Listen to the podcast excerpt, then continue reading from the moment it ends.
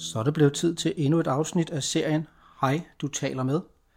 Og øh, i dag har jeg tænkt mig at prøve at undersøge, om U18 DM-ligaen, landets bedste pigeungdomsrække, er endnu en præstationsarena, hvor vi stresser vores unge mennesker. Jeg ved det ikke, men øh, jeg kender en, der gør det. Jeg vil ringe til Søren Østergaard. Han er leder af Center for Ungdomsstudier, og de analyserer tendenser og holdninger i tiden omkring ungdomskultur, værdier og foreningsliv. Så lad os se, om ikke Søren har lyst til at tage telefonen. Søren Østergaard, Center for Ungdomsstudier. Ja, hej Søren. Det er Michael Vels fra fansiden U18 DM-ligaen. Halløj. Godt at høre fra dig. Søren, øh, jeg ringer jo til dig, fordi du sidder som leder, som du siger, af Center for Ungdomsstudier. Og øh, jeg har lagt mærke til på jeres hjemmeside, der står der, at I laver ikke forskning til hylden. Det må du lige forklare. Ja, vi laver forskning, som øh, forhåbentlig kan bruges af trænere og spillere og forældre, øh, hvis nu vi snakker ind i en fodboldsammenhæng.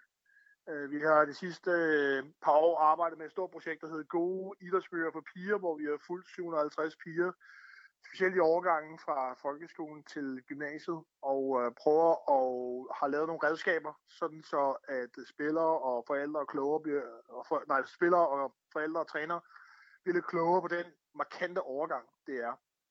Øh, altså noget af det, som jo er vigtigt, det der med, det svarer lidt til at gå fra første division til Superliga, eller i, i pigetammer, fra første division til 3F-liga. Øh, det er en helt anden, det er en, helt, det er en omvæltning at gå direkte fra folkeskolen og så på gymnasiet. Øhm, og der tror jeg, det er vigtigt, at man som træner og forældre og spiller opmærksom på de rammer, der pludselig ændres. Derfor har jeg jo også et, øh, et meget brændende spørgsmål til dig, som jeg tænker, du må være den rigtige at stille, fordi U18 DM-ligaen, som jo er landets bedste pigeungdomsrække, er det ikke bare endnu en præstationsarena i de unges liv, eller skal vi se mere nuanceret på det? Det tror jeg. Jeg tror, det er rigtig vigtigt at sige, at for rigtig mange piger, så er fodbold et frikvarter, men et frikvarter, som de ikke altid er helt opmærksomme på. Og jeg skal nok prøve at forklare, hvad det er, jeg mener.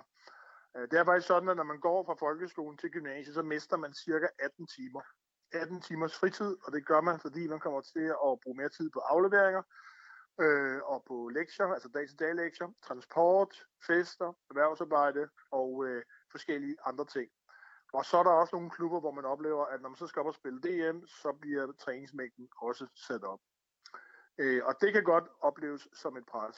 Og der tror jeg, det er rigtig vigtigt, at man som, specielt som klubberne, er gode til at hjælpe pigerne med at håndtere den der overgang på en fornuftig måde. Det er meget få pigers fodboldkarriere, der bliver afgjort de første øh, tre måneder. Øh, om fodboldkarriere mener jeg, hvor langt de kommer i forhold til, hvilket niveau de spiller på, som bliver afgjort de første tre måneder af første G.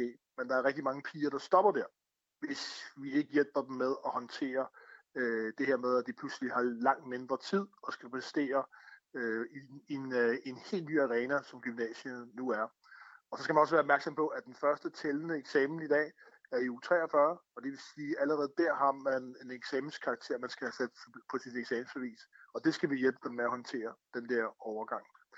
Men samtidig så er det også rigtig vigtigt at sige, at nogle af de vigtigste frikvarterer i de her pigers liv, det er lige præcis, når de faktisk er til træning. Okay. Øh, så det gør ikke det, noget, at de træner tre til fire gange om ugen? Det er faktisk godt, eller? Øh, man kan sige, at for mange af dem, så er det et vigtigt frikvarter. Det er der, hvor de kan få lov til at koble af. Altså, hvis man kun går i gymnasiet, så bliver ens liv bare fucked up så kommer det til hele tiden bare at handle om gymnasie og, og de andre og, øh, og fester og så videre. Men det der med, at jeg øh, nogle gange om ugen kan få lov til at komme ud og være en ramme, hvor at, øh, der er nogle andre, der sådan siger, hvad jeg skal, også måske tager lidt ansvar for min udvikling. Øh, så ved jeg godt, at det kan være træls at tage turen fra Jylland til Sjælland, eller omvendt der om søndagen. Men for rigtig mange, så betyder det egentlig bare, at der er nogle ritualer i mit liv, som stadigvæk er indkendelige. Men det er også rigtig vigtigt, at man laver fleksible træningsmiljøer. Og jeg tror, det er rigtig vigtigt at sige, at specielt de første tre måneder, der tror jeg, det er vigtigt, at man som klub siger, at der er nogle af dem, der går fra grundskole til ungdomsuddannelser, de træner måske en gang mindre end de andre. Og det er ikke noget, man skal lave individuelle aftaler med pigerne om. Det er noget, man skal sige, sådan er det. Det gør man i rigtig mange andre idrætter, f.eks. svømning, hvor, som jo er langt mere træningsintensiv end fodbold er. Der er nogle klubber, der har valgt at sige, når du går fra, øh, når du skal i første G, så de første tre måneder, eller de første seks måneder, øh, der, der træner du en dag mindre end de andre, og det gør du, sådan så at du kan få tingene til at hænge sammen. Fordi vi godt ved, at din svømmekarriere bliver ikke afgjort nu, men det gør, det, øh, det gør den på den lange bane. Og det er lidt det samme perspektiv, man faktisk er nødt til at have både i DBU og, øh, og i U18 DM-klubberne. Så det du siger egentlig uh, lidt populært, det er, at vi skal passe på ikke kun at sige, at nu rykker vi nogle piger op fra U16 til U18 DM. Uh, det i sig selv er et stort spring, fordi U16 spiller ikke landstækkende, det gør U18 DM. Men vi skal faktisk også tænke på, hvad for nogle af dem, der rykker fra folkeskole til gymnasie eller ja. en anden videre uddannelse. Ja.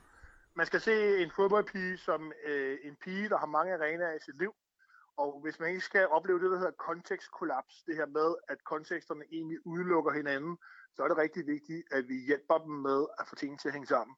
Det betyder for eksempel, at, som jeg sagde før, måske i en overgang, at man øh, træner lidt mindre, men det betyder også, at der er rigtig, rigtig stor idé i for eksempel at lægge så mange kampe som muligt søndag, sådan så man har mulighed for at være en del af gymnasiefællesskabet, også fredag, ikke at drikke alkohol, Øh, det, er ligesom, det kan man ikke i sæsonen, men det med at være sammen med de andre er super vigtigt.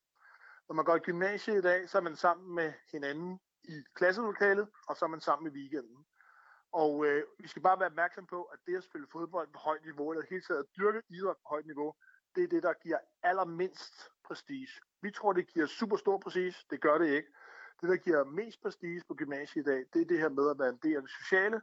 Det er at være hjælpsom. Faktisk nogle meget, meget positive værdier mens idræt er helt i bunden. Og det har noget at gøre med, at øh, idrætsudøver, det er en minoritetskultur på landets gymnasier, eller på landets handelsskole, eller, erhvervs, eller erhvervsuddannelser. Det er minoritetskultur, og det er majoritetskulturen, der fylder rigtig meget.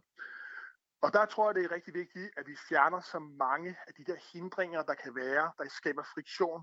Det vil sige, læg nu så mange kampe om søndagen efter kl. 13, hvis man kan det, fordi så kan man godt nå at få sovet noget om lørdagen, og alligevel være en del af gymnasiefællesskabet om fredagen, og også være en del af fodboldfællesskabet. Øh, og så er der nogen, der vil tænke, at det er jo dybt useriøst. Øh, så må man bare sige, at vi har en meget, meget lille volumen, kritisk masse, øh, der spiller på det her niveau, og det er rigtig vigtigt, at vi bevarer så mange af dem som muligt. Og hvis vi kan bevare dem igennem øh, de tre år, de går i gymnasiet, så betyder det rigtig meget for eliten i dansk fodbold, men det betyder sandelig også rigtig meget for subeliten. Øh, lige nu har vi jo øh, ikke specielt meget under 3F Liga. Der er en første division, og så er der ikke så meget mere, hvor man kan sige, at det her, der handler det om øh, eliteniveauer. Og jeg vil sige, der er første divisions hold, der ikke engang vil se sig selv som elitehold, men som kun træner måske to eller tre gange om ugen. Ikke? Men hvis I kan bevare dem igen de tre år, for det er de mest hektiske år i deres liv, de kommer aldrig til at have så travlt igen, så kan vi også bevare langt flere piger i fodbold. Men det kræver bare, at vi tænker os om, og så vi bliver gode til at fortælle pigerne, hvad de egentlig får ud af at spille fodbold. Noget af det gode ved at spille fodbold, det er jo, at det er det, man kalder en øvearena. Det er en arena, hvor man ved godt, at man skal lave fejl for at blive bedre. Man kan ikke bare spille alibi-fodbold. Det bliver man ikke bedre af. Det tror jeg alle er med på, ja. Ja, og så kan man sige, at og en øvearena, det er vigtigt i ens liv, men det er der faktisk også i forhold til skole. Og lige nu, så er der kun præstationsarenaer, når man går i gymnasiet. Der er rigtig mange af de her piger, som jo siger rigtig meget på banen og tør lave fejl på banen, tør tage chancer, som ikke tager nogen som helst chancer i skolen, som lader være med at række hånden op, og som, hvor det hele handler om at minimere fejl. Og der tror jeg, det er rigtig vigtigt, at man bliver god til som klubber, til trænere, forældre og arbejde med den transferværdi, der er mellem øverarenaen nemlig fodbolden, og resten af deres liv. Det her med at sige til dem, hør her, du laver fejl på banen, du ligner lort, når du kommer ind for træning, og det har regnet, du overlever alligevel, øh, du øh, overlever og sige noget forkert på banen, skyder forbi mål osv. Det er fuldstændig det samme. Det er den samme attitude, du har brug for, når du går i skole. Marker dig, lav nogle fejl. Det er faktisk det, man ved også i erhvervslivet i dag. Det, det er det, man efterspørger. Man efterspørger rigtig mange af de kompetencer. Ja, man efterspørger de kompetencer, som der er på fodboldbanen, og tage dem med ind i uddannelsessystemet, og tage dem videre ud, i arbejds, øh, ud på arbejdsmarkedet, fordi Lige nu så har vi et uddannelsessystem, hvor vi konkurrerer med kineser, og det er et lorteprojekt, for der er vildt mange kinesere.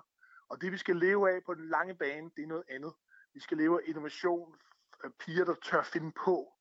Og lige nu er det faktisk sådan, at pigerne de er lige nummer for forsigtige.